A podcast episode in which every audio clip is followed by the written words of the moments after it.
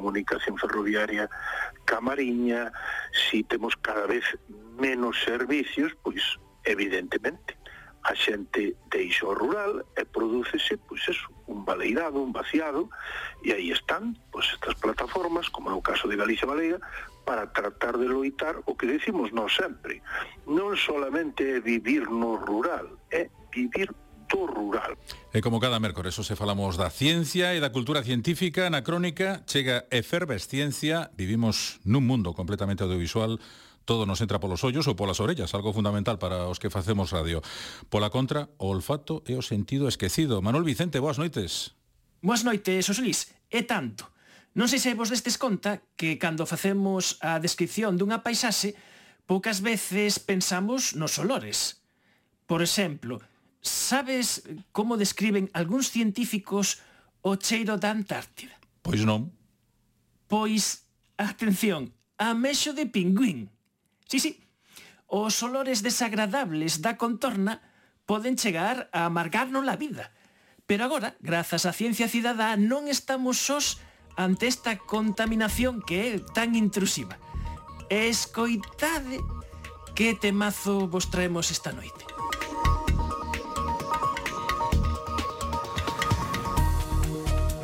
Moi boas noites, un saúdo de César Goldi, Joana Magalláes, Laura Veiga e Manuel Vicente. Somos o equipo de Efervesciencia.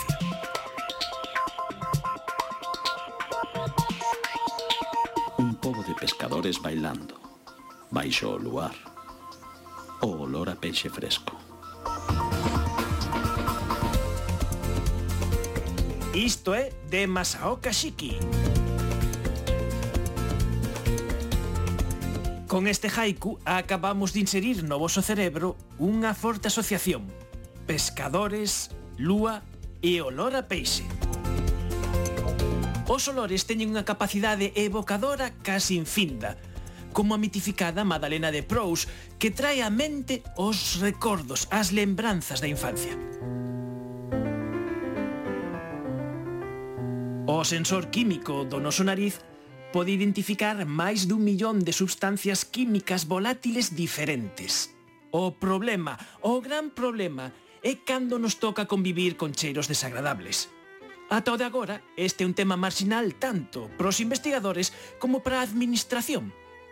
Unha enxeñeira química afincada en Barcelona quere mudar as cousas. Benvidos á efervesciencia. Hai outros mundos, pero están neste. Efervesciencia, Doses de Ciencias en Contraindicacións. Patrocinado pola FECIT, Fundación Española para a Ciencia e a Tecnoloxía, Ministerio de Ciencia e Innovación, unha colaboración da Universidade de Santiago e a Radio Galega. O apoio da Xencia Galega de Innovación da Xunta de Galicia.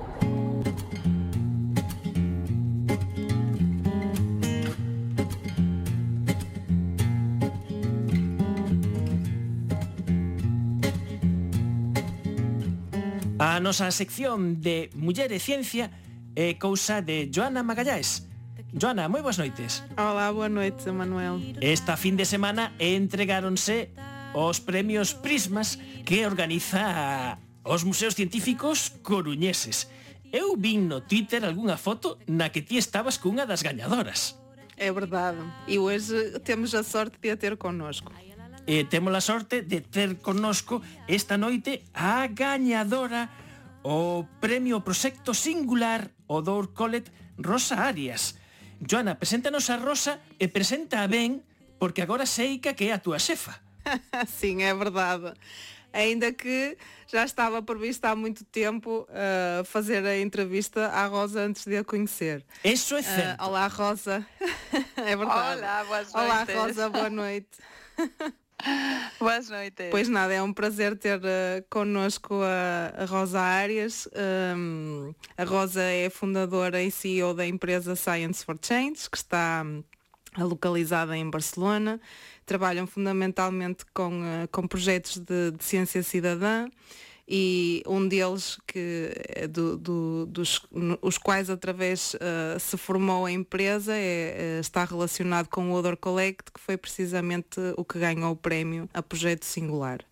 Uh, Rosa, queres nos contar un pouquinho como começou a história do Odor Collect? Uy, sí, pero entonces teño que andar moi atrás no tempo, pero bueno, eh, a historia comeza porque eu son eh, enxeñeira química experta en, en olores.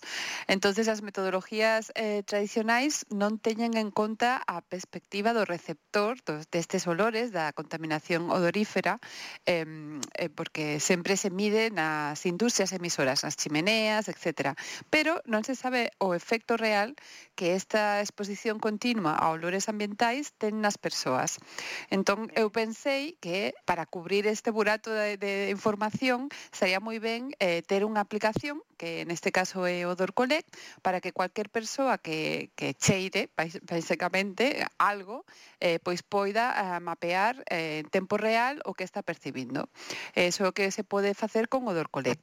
Eh, así, entre todos, fanse mapas de olor eh, colaborativos eh, para entender eh, os sitios onde cheira, por que cheira, cando cheira, e intentar encontrar unha solución ao problema a esta exposición continuada de olores molestos neste caso. Eu coido que este é un gran avance porque eu coñezo sitios, eh, toponimias en Galicia, que, que chaman, por, por exemplo, a fábrica do cheiro, eso chamase durante xeracións e xeracións, pero eso queda aí, eso é unha microtoponimia local e queda aí, que hai unha industria que produce un mal cheiro, pero o feito de que sexamos os cidadáns os que reportemos todo isto, en eh, xa non queda esa información aí, xa non é poñer puntiños nun mapa, é algo máis, verdade? Claro, porque é que nos te, todos temos o coñecemento local do problema.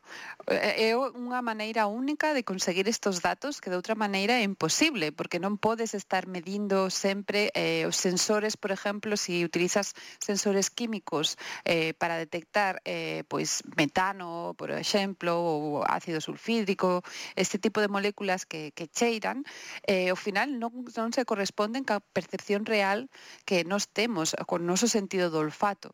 Entonces o, o, o nariz é eh, de feito o mellor sensor que existe no mercado para medir olores, non? E todos temos nariz, todos temos un teléfono móvil normalmente na mau, eh, entonces é moi fácil eh, mapear. Cando se percibe o olor, pois simplemente sacas o teléfono e incluyes unha nova observación.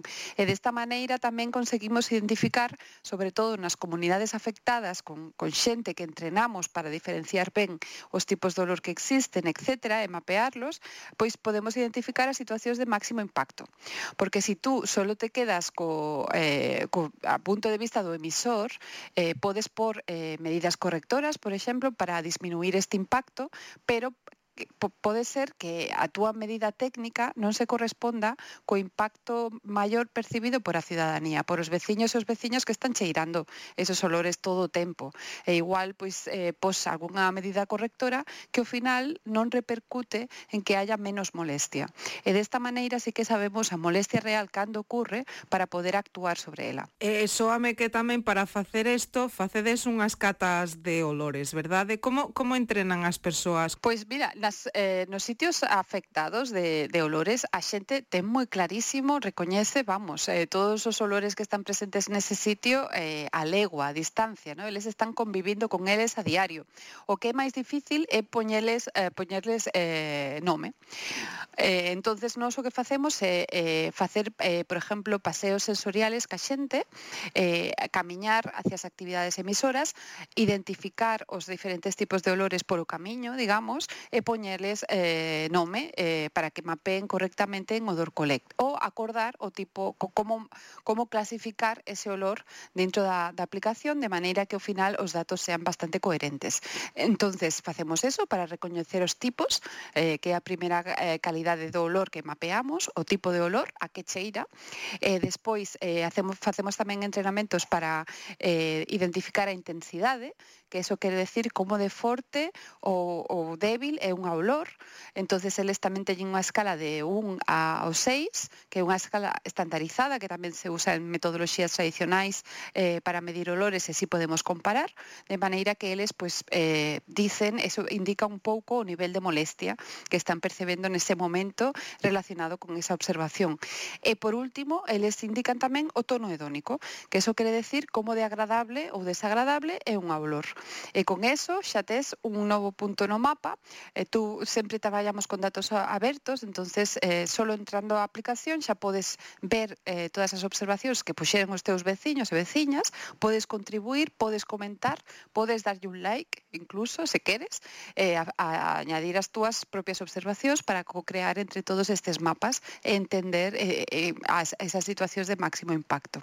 Eu baixei a aplicación e, e vin que o carón da miña casa vin que hai sitios que cheira mal, pero tamén vin sitios que pon que cheira bosque, que cheira natureza e unha boa percepción mm. olor. Hai que dicilo, hai que tamén hai que dicilo cando cheira ben, pero eu por facer unha idea das cousas que nos estaba a contar Rosa, na aplicación de subtipo do dolor, por exemplo, industrial, sopa de repolo, petróleo, gas, asfalto, amoniaco, coiro, metal, plástico, xofre, alcohol, acetona éster, acetato éter, aminas, pegamento adhesivo. Bueno, isto lembrame a min a miña época de laboratorio, que hai aquí todo cacheira de todo un, un, un, un, unha paleta de olores, porque como ben dicíamos, sí que temos unha boa mm, un bo sensor, o que pasa que o mellor o temos un pouquiño como desprezado nos nosos sentidos, eh, que somos moi auditivos, moi visuais, pero os cheiros non lle prestamos atención.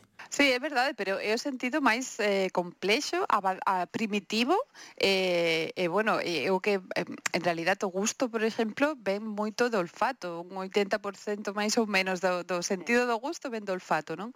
E, ademais, o noso sentido de defensa. Eh, a súa misión é protexernos de sustancias que poden dañar a nosa saúde.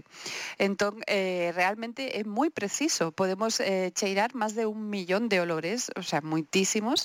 Eh, o difícil, como decíamos, era poñeres... Eh, eh, nome. Eh, entonces o que fixemos en Odor Collect é clasificar en grandes tipos, que poden ser residuos, aguas residuais, eh, etc. E despois en subtipos.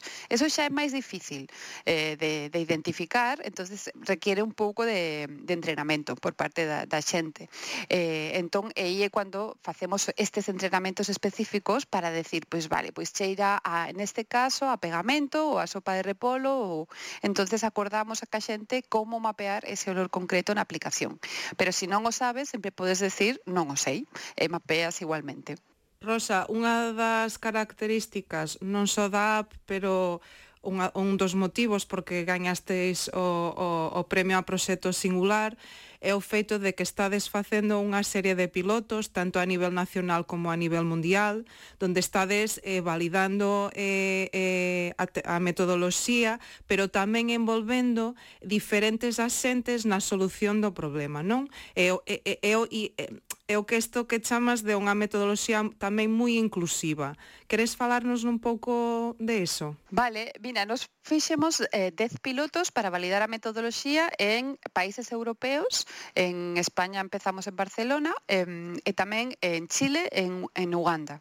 En Chile traballamos nunha comunidade moi rural, por exemplo, que non tiñan acceso a tecnoloxía nin nada, o sea, moi diferente. En Uganda tamén traballamos con nenos en escolas de Uganda e con mulleres nos mercados mercados de Uganda, eh, máis relacionado ca xestión de residuos no mercado.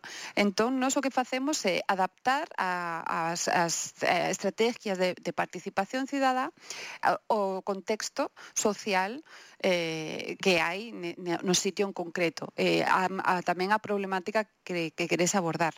Entón, nunes casos usamos directamente a app noutros casos tamén podemos usar eh, diarios de olor para recoller as observacións que despois poden subirse a app se por exemplo non teñen acceso á tecnoloxía. Eh, tamén traballamos moito con escolas eh, porque os nenos realmente eh, bueno, eh, primeiro que son eh, o futuro non? E ademais que poden eh, recoñecer moi ben as, as a, os olores, eh, eh, bueno, contribuyen fantásticamente. En Uganda, por exemplo, demostramos que as observacións recollidas polos nenos nas escolas, eh, as observacións recollidas por autoridades ambientais, etc., e as observacións recollidas por mulleres eh, nos mercados, eran as mismas ao final. O sea, que todo o problema estaba percibido da mesma maneira por os diferentes axentes.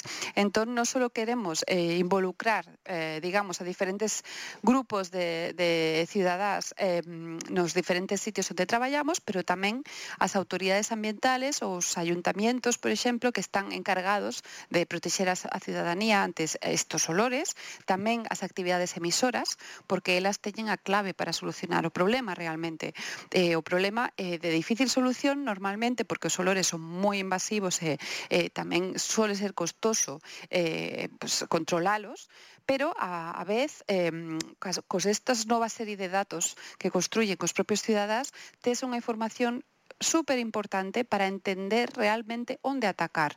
Eh, moitas veces facendo planes de control de olor ou, ou mm, movendo as túas operacións industriais ou certas actividades que emiten olores a horas que non molestas ou, ou combinando un pouco eh, en base aos datos, en base ás evidencias recollidas por a xente, entonces podes mellorar moito o problema sin necesidade de, de invertir moito. Entón, sempre nos queremos traballar con este modelo da cuádruple hélice que lle chamamos, eh, metendo a todos os actores no proceso, para intentar co-crear en base ás evidencias producidas pola ciudadanía as solucións que reduzcan o impacto e melloren a calidade de vida. Vos conseguisteis inserir e artellar ao redor da aplicación todo un proxecto europeo eh, Dinosis, non sei como se pronuncia, sí. no que eh, a, a base precisamente era, apli era aplicación Odor Collect que xa debemos de ter todos no noso peto, no noso móvil, eu xa fixen, e que ademais é esa parte que dis de, de ir eh, eso, máis aló e de quitar datos, quitar información e, e activar ese, esa, esa participación e que non sexa eso, non un mero registro, senón un xeito de solucionar problemas. Exacto, porque primeiro pos en evidencia o que está pasando, eh, tamén é unha maneira de empoderar a ciudadanía para reclamar accións ou solucións eh, para empezar. E ademais que o, o tema da contaminación por olor eh, é eh, a segunda causa de queixa medioambiental despois do ruido, pero o que pasa que o ruido é moi fácil de medir, porque hai sonómetros, non? Con sonómetro vais, mides, e podes regular moi facilmente se cumples ou non cumples ca regulación. E, os olores son moito máis difíciles de medir en consecuencia, non hai regulación. O cando hai regulación eh, é heteroxénea ou, ou a veces nin siquiera ten eh, base científica. Entón, nos o que queremos tamén é, é promover eh, estas novas legislacións que protexan a cidadanía que padece este tipo de contaminación. Eso estuvimos facendo tamén no proxecto europeo.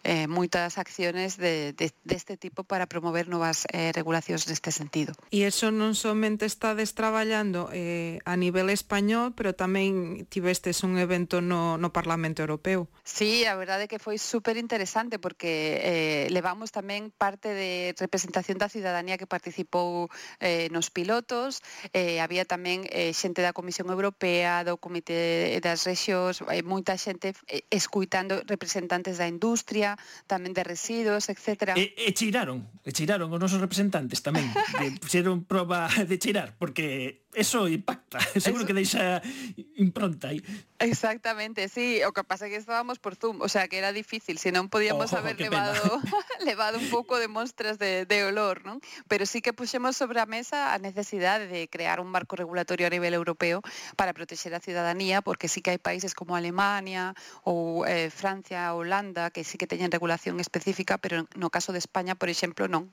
Eh, son as, as, eh, os ayuntamientos os que teñen as competencias e poden eh, sacar ordenanzas municipais para protexerse a, a súa ciudadanía, pero eh, eso, moitas veces non saben nin por onde empezar. E hai moi poucos ayuntamientos hoxendía que teñan este tipo de ordenanzas en, en España. Por iso que ainda temos que traballar moito neste sentido.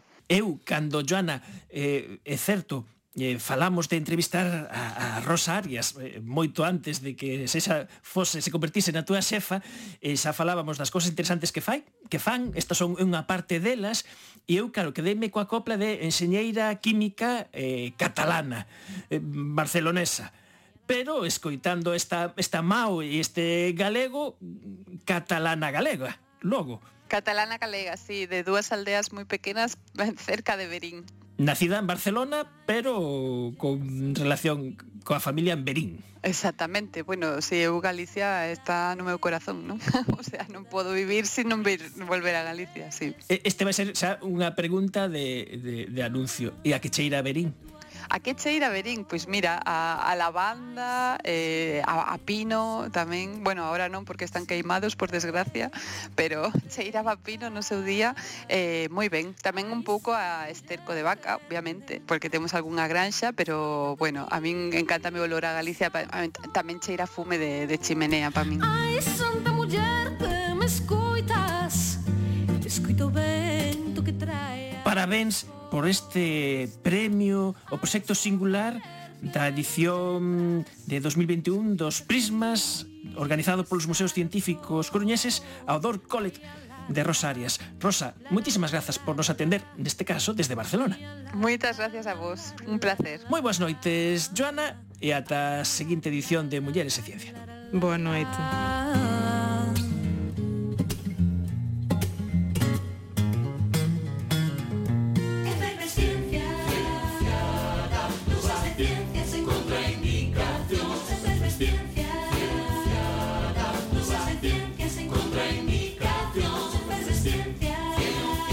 no ano 2019 recibimos un chamamento en efervesciencia que consistía un proxecto de precipita chamado Stop Artrose. Ana Alonso, moi boas noites. Ola, boas noites. Que pasou? Que nos pedistes nese 2019? Pois no 2019, no grupo de patoloxía musculoesquelética de Santiago, atopábamonos con uns resultados moi prometedores pero na fin dun proxecto financiado polo Instituto Carlos III.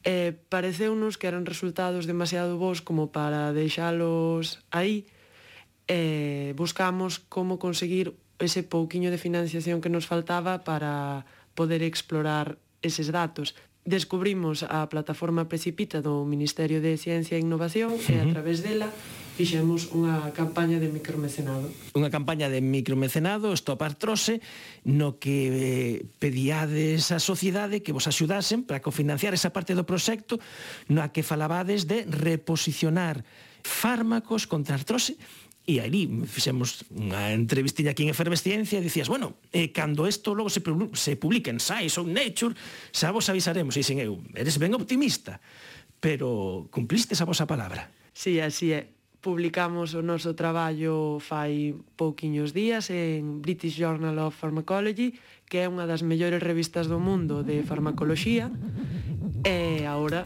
vimos contar.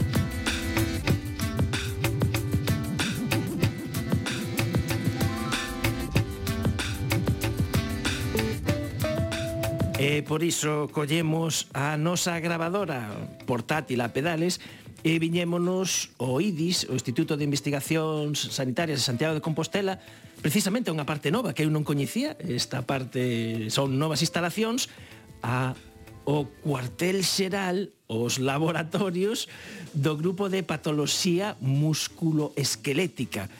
Eh, e estamos e contamos, ademais de con Ana Alonso, contamos con Rodolfo Gómez, moi boas noites. Boas noites. E tamén co, co Messi do grupo a ficharse eh, de Barcelona de hai uns anos con Eloi Franco. Moi boas noites, Eloi. Moi boas noites. Empecemos, eh, como se di, eh, polo principio. A artrose, eh, Rodolfo, é eh, unha doenza que desde o século XVIII xa sabemos que unha vez que empeza, eh, mal asunto, non hai remedio nin tratamento. Sí, es cierto. De, hecho, ya lo decía William Hunter, que era el, médico real de la época. Cuando tienes una úlcera en un cartílago es un problema molesto que no se repara jamás. Y, por desgracia, eh, casi 300 años después, eh, sigue, sigue siendo así. No, no tenemos una solución. No hay, sí que es verdad que a, día de hoy eh, cuando, cuando la patología llega a su máximo, a su máximo desarrollo, te puedes operar, se te opera y te pone una prótesis que da, está dando muy buenos resultados, pero en el proceso hay mucha discapacidad, invalidez, eh, dolor eh, y pérdida de la independencia personal. Y eso es una cosa con la que no tenemos solución a día de hoy. Sí. E ti comparabas, eh, tes aquí a túa tese de doutoramento, dicías que isto é como rodas do coche, cando xa están gastadas, que no, cando nos decatamos, pero xa non se pode facer nada. Exacto, es decir, es que a veces para transmitir la información de lo que supone una patología como la artrosis a la población, eh, son útiles eh, analogías como, como, los coches. Es decir, todo el mundo sabe lo que pasa cuando unas ruedas, cuando unas ruedas están mal alineadas, y que come más por un lado que por otro, por ejemplo. Es un, en los humanos pasa igual, es decir, el cartílago, que es el que se destruye en la artrosis, se estropea cuando tienes una mala alineación del esqueleto, cuando pisas hacia afuera o hacia adentro. Y eso sucede. El problema es que una vez que ese cartílago, en ese caso, esa rueda que está comida, eh, se va comiendo de manera silente, es decir, no te enteras hasta que cuando de repente el coche patina. O pues esto es aquí, te, te das cuenta cuando ya eh, se ha perdido el cartílago y los huesos están expuestos y empiezas a tener dolor articular que es de difícil manejo en muchas ocasiones. E Ana, eh, sabemos moitas cousas sobre a cartilaxe, de mecanismos, como funciona, que pasa aí, ese proceso aí eh, inflamatorio, sabemos cousas, pero ata agora eh, non hai xeito de facer nada. No, actualmente todos os tratamentos que hai son paliativos para controlar a dor e pódese controlar en certa medida a inflamación, pero non se poden controlar todas as facetas da inflamación, eh, non se pode solucionar a orixe do, do problema. E vos estabades rematando este ese proxecto do Instituto Carlos III, que agora eh, coñecemos todo o mundo que que fai eh, por, polo tema da, eh, da, da COVID, eh, e resulta que vos tiñades en mente, Eloi, facer un algo que tamén agora sabemos o que un reposicionamento de fármacos, de estudar fármacos que estean no mercado con outras indicacións, ver si actúan sobre mecanismos relacionados co, co artrose e se ser antiinflamatorios ou poden ser útiles. Exactamente. La ventaja del reposicionamiento de fármacos es ahorrarnos esos 20 años de desarrollo a nivel de laboratorios y de la farma, además de todo el empuje económico que representa. A diferencia del desarrollo de fármacos nuevos, el reposicionamiento de fármacos nos permite coger esos fármacos que se usan en la práctica clínica y aplicarlos a los pacientes al minuto uno, como es el caso de esta investigación con el fármaco antidepresivo amitriptilina. Un fármaco antidepresivo que vos vedes que, que funciona contra artrose, pero ¿Por dónde empezaste? Hay dos facetas. Una sabíamos la diana, dónde atacar a la patología de artrosis en un receptor llamado TLR4, estudiado ya previamente por Rodolfo Gómez. Y teníamos una batería de fármacos que podían atacar ese receptor, pero esos fármacos estaban siendo usados en otras indicaciones. Esa aproximación de esos fármacos hacia la artrosis se fue inicialmente a través de, se utilizó técnicas de minado de datos de las publicaciones que hay eh, internacionales, en el sentido de que buscamos esas esos papers, esos manuscritos, esos artículos científicos que interconectaban este receptor TLR4 y nuestros fármacos, independientemente de la patología, por un lado, para entender un poquito el mecanismo, y también buscando publicaciones que se aproximasen, a lo mejor no usando el mismo fármaco, pero usando uno parecido, para acabar de entender cuáles eran los mejores candidatos. Una vez haciendo esto filtrado, que se inició usando las bases de datos de la FDA americana y de la EMA europea, en que hay aproximadamente eh, 2.000 y pico principios activos y nos quedamos en un último filtraje de 44 y de esos 44 es cuando seleccionamos tres, dentro de esos tres está la mitritilina. Uh -huh. Esta mitritilina, el primer paso es estudiar si realmente puede unirse a ese receptor, no a nivel de laboratorio, no a nivel de tratar a las células, sino a nivel computacional. Eso se llama docking en inglés, o mapeado molecular, o eh, anclaje. Es simplemente obtener la, el receptor en una estructura en tres dimensiones y ver si es capaz del fármaco de entrar en la propia molécula y unirse eh, por enlaces los que sean. Si hay un encaixe, si hay, hay un es como un Tetris, ver si hay la posibilidad que realmente el fármaco llegue ahí. Ese Tetris en 3D, en este caso. Exacto, exactamente, exactamente. Una vez obtuvimos el resultado positivo, sabemos que hay, existe esa, ese potencial efecto de bloqueo o inhibición porque sabemos que al unirse ese fármaco al receptor va a desencadenar una serie de respuestas uh -huh. y esas respuestas son las que comprobamos y validamos a nivel de células, inicialmente de ratón. Una vez eh, obtenido los primeros resultados preliminares, que es ver que al poner el fármaco a metiltirina se reduce una batería de factores proinflamatorios y procatabólicos, entre ellos, por ejemplo, la IL-6 que se ha nombrado a raíz del COVID, por ejemplo. Y esos resultados preliminares saltamos directamente ya a células humanas obtenidas a través de eh, a, a través de a partir de paciente, de muestras de pacientes. Ajá. Entón, así, facendo así un resumo, pois pues, alguén se quedou así así polo sí. camiño e eh, que fixestes un Masterchef de moléculas candidatas, eh, quedou unha campioa, pero non abondaba con eso, senón que eh, había que probala se na realidade eso iba, primeiro computacionalmente a cousa vai, e logo xa tedes aí as vosas células, os vosos eh, tecidos, os vosos animais de experimentación, e vedes que a cousa vai. Ese foi no momento no que entrou o crowdfunding, o Precipita. Exactamente. Fue justo cuando nosotros ya habíamos comprobado que el fármaco funciona en muestras de pacientes artrósicas, que eso se vio por dos lados, una a nivel de transcriptómica, mRNA genética y otra de proteína. Justo ese análisis proteómico que tiene la virtud de que podemos ver todas las proteínas, todas las que se ven modificadas, ahí vemos que el fármaco realmente puede llegar al paciente, que tiene la solidez y un efecto inhibitorio muy potente. Ahí en ese punto es cuando nos planteamos cómo podemos aproximarlo al paciente.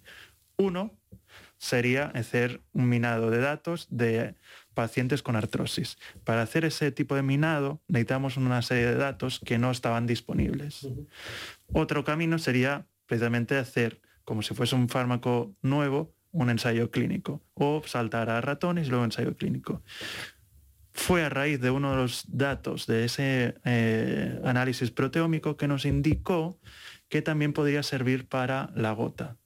Fue justo en ese punto cuando empezábamos a vislumbrar otras posibles facetas del fármaco, cuando eh, decidimos eh, iniciar la campaña de micromecenazgo para tener los recursos necesarios para llevar a buen puerto la investigación. Eh, e, e aquí hai unha cousa aquí que é unha cousa importante de, de matizar, que que ese, esa axuda de, de precipita foi un proxecto que conseguiste, conseguiste superar os cartos que mínimos que pedíades non foron moitos cartos, 5.000 e pico euros. Uh -huh, exactamente. Pero, pero os sustos para poder eh, iniciar esta, esta fase, seguinte fase de, do proxecto, eh, como contabas, Eloi, a historia é que tedes ese candidato, ese medicamento, que é un medicamento antidepresivo, que se trata por aí, pero claro, unha antidepresivo que trata moita xente e artrose, que é unha cousa moi común, de aí é moi difícil sacar información. Non tens nada segmentada a poboación, pero entonces a luz aparece, a idea, a bombilla, quizáis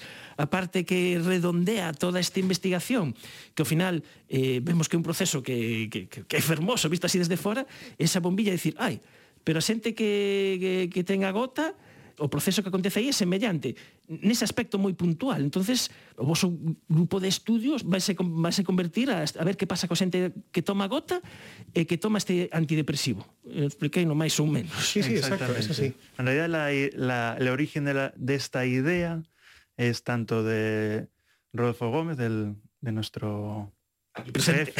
Gracias, gracias, gracias. De... No puedo decir otra cosa, ¿eh? el despacho pe pequeño no, no, hay por dónde escapar. También es cierto que fuimos asesorados por el profesor Gómez Reino. Cierto, cierto. Y también Ana, los tres tienen un bagaje farmacológico superior al mío.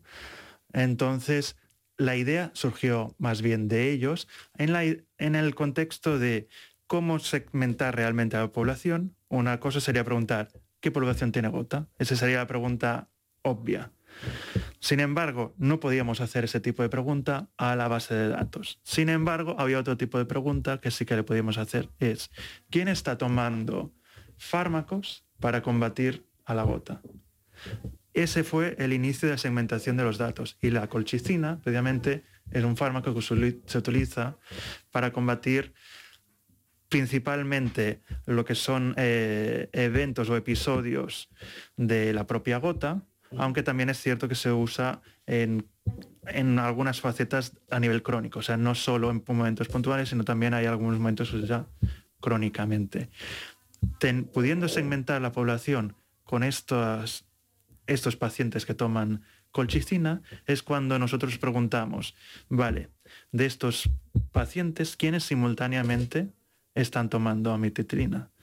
A partir de esa pregunta podemos ver que um, los pacientes que toman más amitriptilina necesitan tomar menos colchicina, tanto a nivel de número de, de pastillas, de cantidad, uh -huh. como también hay ciertos datos, datos de concentración, pero básicamente es el número de veces que el paciente requiere eh, pedir al médico una prescripción para colchicina. Entonces, vos están iluminando os ollos, me imagino, cando vedes eses datos... Foi unha sensación de eureka. Eureka, o sea, decir, esto, eu, o sea, de ver que os que eh, están tratándose con este medicamento para a gota, que resulta que eh, simultaneamente con co antidepresivo resulta que teñen menos eh, eh, menos menos eventos eh, eh, e, e vedes que ese mecanismo é implicado eh, no vosso descubrimento, e creo que isto é parecido para entendernos unha cousa que é ben conhecida en todo o mundo, que é o descubrimento do, da Viagra, que sí, eh, que que o, o, o caso o caso pulmonar. paradigmático, no, de un ensayo clínico ben feito anotando todos absolutamente todos os efectos secundarios, pescudando unha cousa atopouse outra, no voso caso a, a cosa era máis dirixida pero ao final o, o resultado é inesperado, ¿no? Mira, te voy a dar una información off the record casi, que sacando el tema del Viagra, precisamente se hizo un pequeño ensayo que no, se, que no, sí, que no se, no se incorporó a la publicación final, al proyecto final, porque los datos no eran concluyentes, pero sí que había publicaciones que indicaban que el uso de Viagra uh -huh. potenciaba el uso de la mitriptilina en concreto. Y la idea fue a ver si podemos reducir la dosis de amitriptilina y combinarla con el Viagra para potenciar el efecto este antiinflamatorio. Eso está ahora un poco a ver qué pasa, sí, pero, sí, pero, que pero, los datos no eran suficientemente sólidos y aparte eh, pero como que... curiosidad está bien. Necesito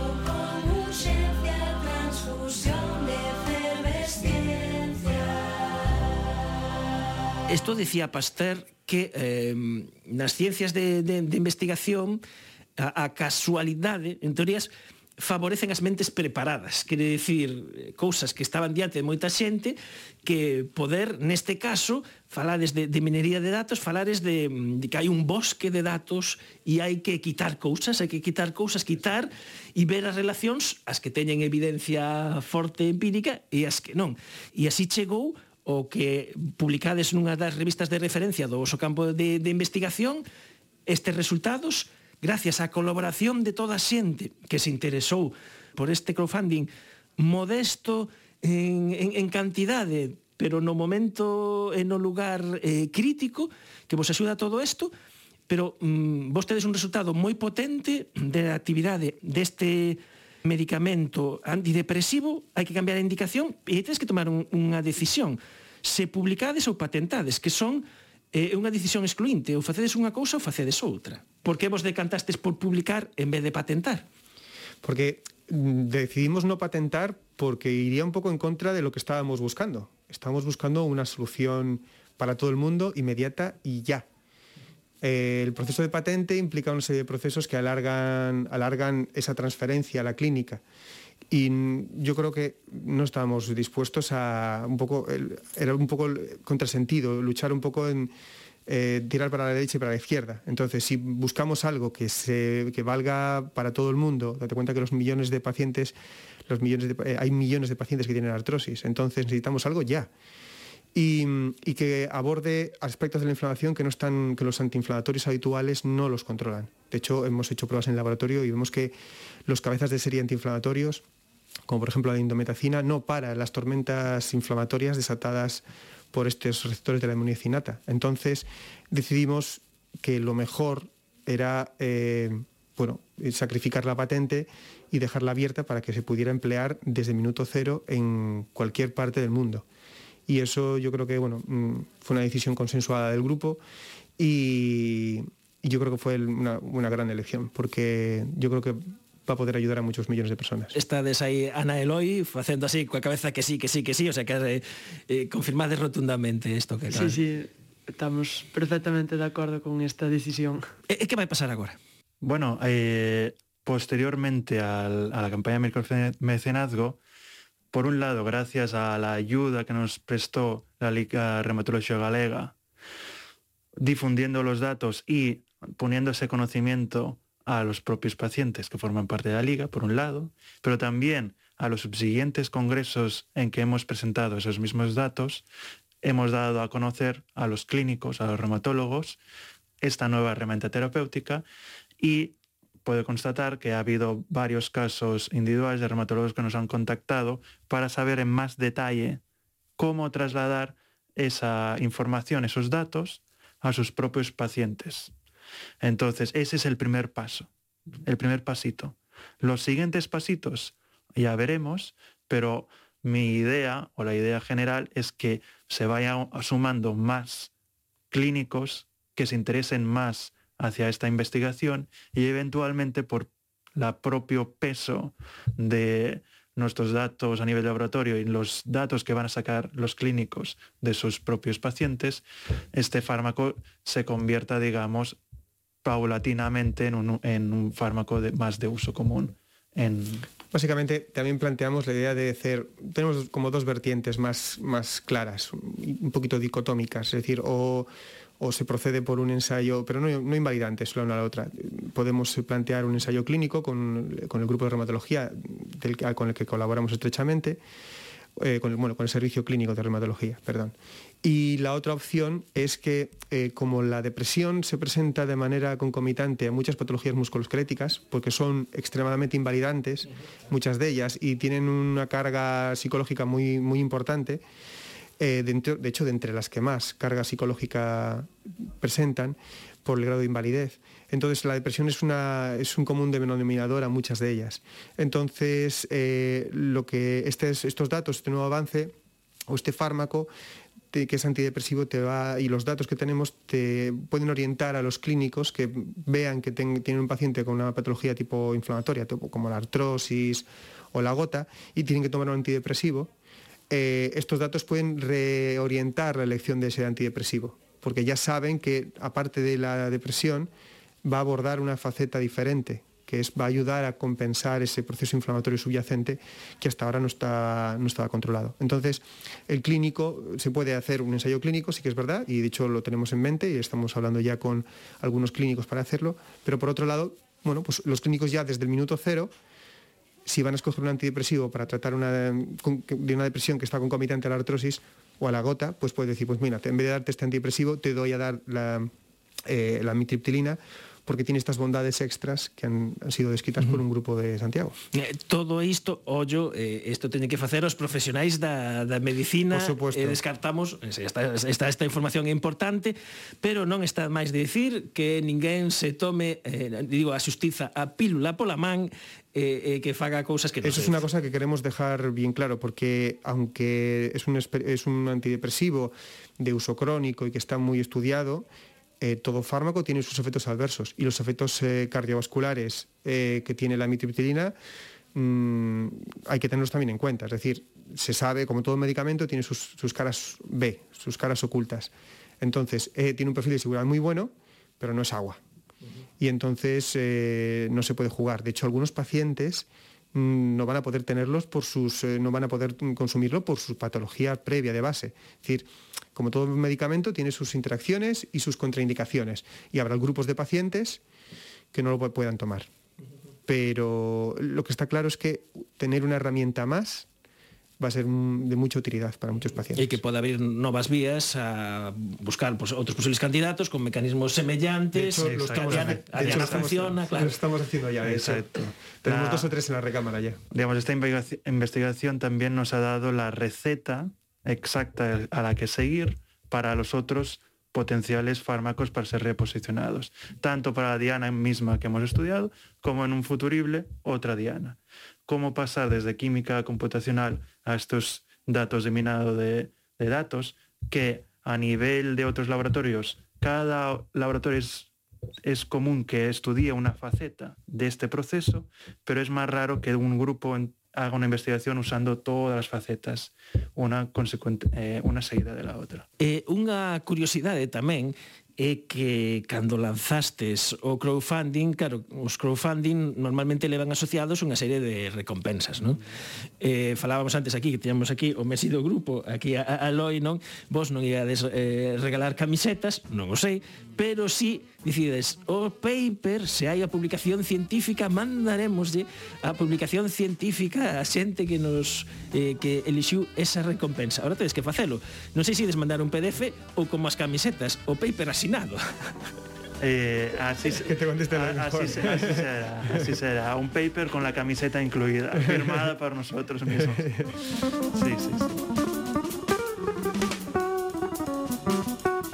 Este foi o traballo do grupo de patoloxía musculoesquelética do IDIS, do Instituto de Investigacións Sanitarias de Santiago de Compostela.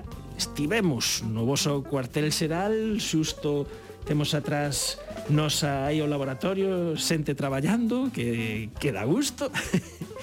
eh, parabéns, parabéns por, por estas investigacións e, sobre todo, por esta idea de que o que facedes aquí ten que ter relación coa sociedade, deixar participar a sociedade neste caso, e eu coido que foi é moi importante que xa teñades moi en mente eso que eh, o que ides facendo, ides reportando, non o ides contando, e a verdade que é unha historia fascinante e o gallá, pois moita xente se poida beneficiar de todos estes achados que estades facendo. Moitísimas grazas. Moitísimas gracias. Gracias. gracias. A ciencia na Radio Galega. La, la, la, la, la.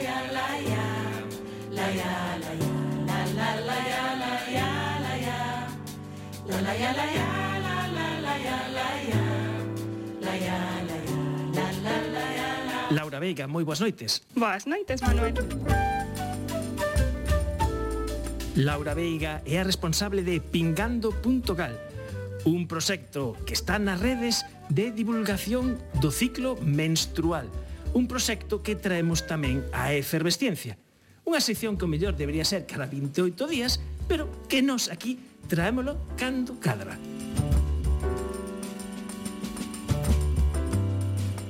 Temos unha pregunta que nos chega do público. E sí, chegaron nos preguntas. E por onde nos chegaron? Pois sí, efectivamente, chegaron a, a través do, do meu Instagram, que como xa dixeche, pingando.gal, e Era unha rapaza que me preguntaba se podía quedar embarazada mentre estaba aleitando. Porque hai esa idea de que o, a, o aleitar é unha, podría ser unha protección, un método anticonceptivo de algún xeito. Efectivamente, eh, vou che dar unha resposta moi galega porque a resposta é depende. Depende. Efectivamente. Sí que é certo que cando estamos aleitando se produce prolactina, que o que fai é interferir nos, nos sinais que vai mandando a hipófise. E así inhibe a produción de, de hormona luteinizante e de hormona folículo estimulante, que son as, as que controlan o funcionamento do ciclo, por resumir moito, moito. Entón, o interferir neste mecanismo impide que se produza a ovulación, que é o único momento no que realmente eh, se pode producir o embarazo. Se estamos aleitando, entón, pois parece ser que non poderíamos quedar embarazada. O que ocorre é que no único momento no que ti te das conta de que ovulaches é cando xa me, volves a menstruar, é dicir, que un pouco tarde. É, digamos, como mm, unha medida retrospectiva. Entón, eh, sí que é certo que non te podes quedar embarazada mentre aleitas, pero esa produción de prolactina mmm, vai variando e igual te das conta cando xa non querías quedar embarazada. Pois Ou seja, que non se debe utilizar como método anticonceptivo. Efectivamente. Eh, bueno, pois se sabedes que se tedes dúbidas relacionadas co ciclo menstrual, mandadeas a pingando.gal, a calquera das nosas redes, das redes de Laura, ou ben as redes de Efervesciencia. E nos vos daremos cumprida explicación que avisamos sempre que isto non é un consultorio médico, é un consultorio de divulgación e as dúbidas relacionadas con cuestións de saúde sempre os profesionais. Efectivamente porque ademais eu son profesional da comunicación e non da saúde. Temos esa primeira pregunta, seguindo o noso esquema, unha curiosidade. Unha curiosidade que pasa co insomnio e máis as hormonas. Isto realmente aínda está en estudo, porque xa sabes que, bueno, os temas que normalmente afectan as mulleres non se estudan moito, porque é complicado, porque hai moitas hormonas, entón pois mellor non o estudamos, non vai ser. Isto pasou incluso moito tempo durante a experimentación animal que os modelos de laboratorio utilizaban só modelos machos porque non teñen eses procesos cíclicos e que era moito máis fácil de, de publicar resultados. Entón publicábase calquera estudo sobre calquera doenza, calquera historia e os modelos só eran machos eh, investigadores que pasaron por estes micros sentados onde ti estás que decían que no, noutrora investigar con modelos animais con ratiños femias era moi complicado e non, non pagaba a pena. Bueno, pois nós tamén somos seres eh, como, como, como animais tamén nos acontece isto.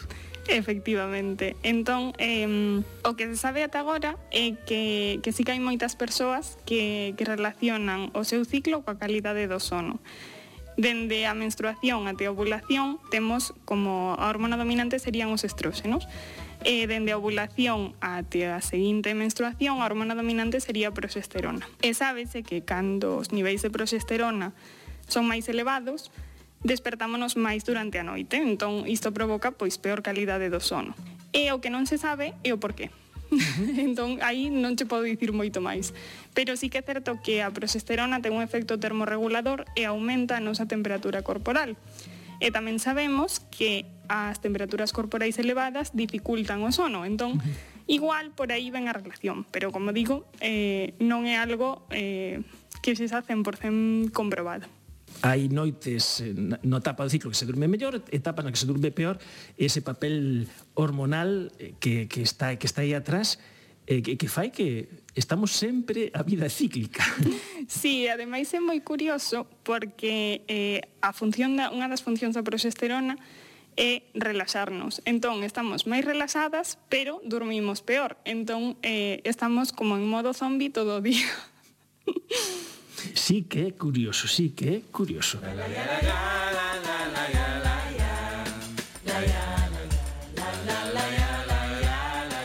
E chegamos á terceira parte desta colaboración de Pingando en Efervesciencia sobre o ciclo menstrual. Unha pregunta, unha curiosidade e un mito. E se hai mitos aí onde os haxa relacionados co ciclo menstrual, aí está a lúa, eses 28 días entre lueiro e lueiro, eses 28 días, bueno, promedio, media, que xa falamos outra vez, que hai entre un ciclo e outro ciclo, pero, vale, mm, eso é casualidade, coincidencia, hai correlación, contanos. Pois, de momento a evidencia di que non.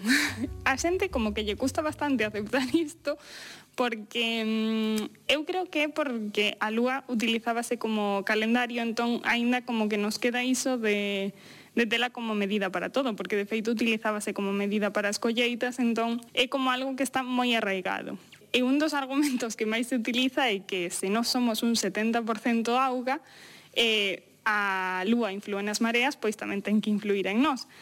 Pero claro, non pensamos que as mareas se moven cara un sitio, eh, e nós non temos espazo no corpo para onde se mova ese líquido, que ademais, aínda que en nós esa unha porcentaxe alta, realmente é unha cantidade totalmente ínfima que non se pode comparar cun océano.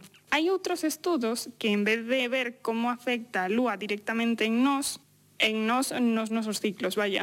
Eh, o que buscan é estudar como afectan os ritmos circadianos, que tamén se fala moito, de que cando hai lúa chea dormimos peor pola luz que esta emite. Entón, eh, por aí sí que podería haber unha relación, pois polo que falamos do, do insomnio, que, que tamén ten unha relación co, co ciclo. Que pasa? Que agora realmente estamos pegados a pantallas con luz artificial todo o tempo, e eh, non ten sentido porque moitas veces nin sequera miramos mm, pola fiestra para saber que, que lúa hai, teríamos, no, teríamos que dormir coas, coas fiestras abertas e que chegase a luz da lúa para que houvese esa, esa influencia, a influencia únicamente pola luz. E, e dixetes unha cousa que e, eu comparto contigo que costanos moito darnos conta que a influencia da lúa non é porque temos unha experiencia persoal que vai no sentido contrario. E, igualmente que dixeches isto de se nos afecta eh, a lúa cando dormimos, hai a historia, por exemplo, o mito de a lúa e os partos, que ven sendo uh -huh. algo, algo semellante E, e inda que ti expliques que físicamente eh, ti tes un vaso de auga e non lle afecta a forza de gravidade eh, da lúa que lle afecta máis gravitacionalmente unha mosca que pase por aí nese momento, ti o mellor falas con comadroas e dinche que sí, que que é certo que elas cando hai lúa chea que hai máis partos, pero o que acontece aí, o que acontece aí é o que se chama un sesgo de confirmación. Efectivamente. Cando, cando ven que hai máis partos, miran se hai lúa. Entonces dicen, efectivamente, hai, hai lúa pero que non fan e cando hai menos partos non van a mirar que lúa hai e o mellor tamén lles cadra que había lúa. Entón só confirman os datos que afirman as súas evidencias. Entonces reforzan esa idea e, e eu atopo profesionais que teñen que ver co, cos partos que defenden a capa espada eso e logo ves metastudos de milleiros, dúcias de milleiros de casos e ves que non hai en absoluto ningunha relación. Efectivamente, a, a ciencia é así de complicada. Pásanos estas cousas, pásanos estas cousas. Aprendemos con Laura Veiga un chisquiño ao redor dos, dos ciclos eh, menstruais e tamén algunha cousiña máis. Se nos queres deixar algunha pregunta, xa sabes, nas redes sociais habituais somos reincidentes no Twitter ou Facebook de Efervesciencia ou nas redes de, de Pingando que estades? A ver, resume así. En Twitter, Instagram, TikTok, YouTube, e Spotify. Bueno, todas as redes que, nas que vale a, paga pena estar. Laura, moitísimas grazas por nos acompañar esta noite. Moitísimas grazas a ti por convidarme.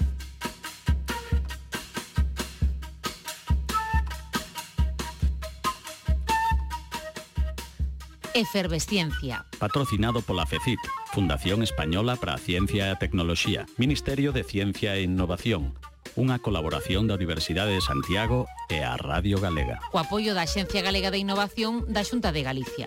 Ata o mércores creme. Adeus.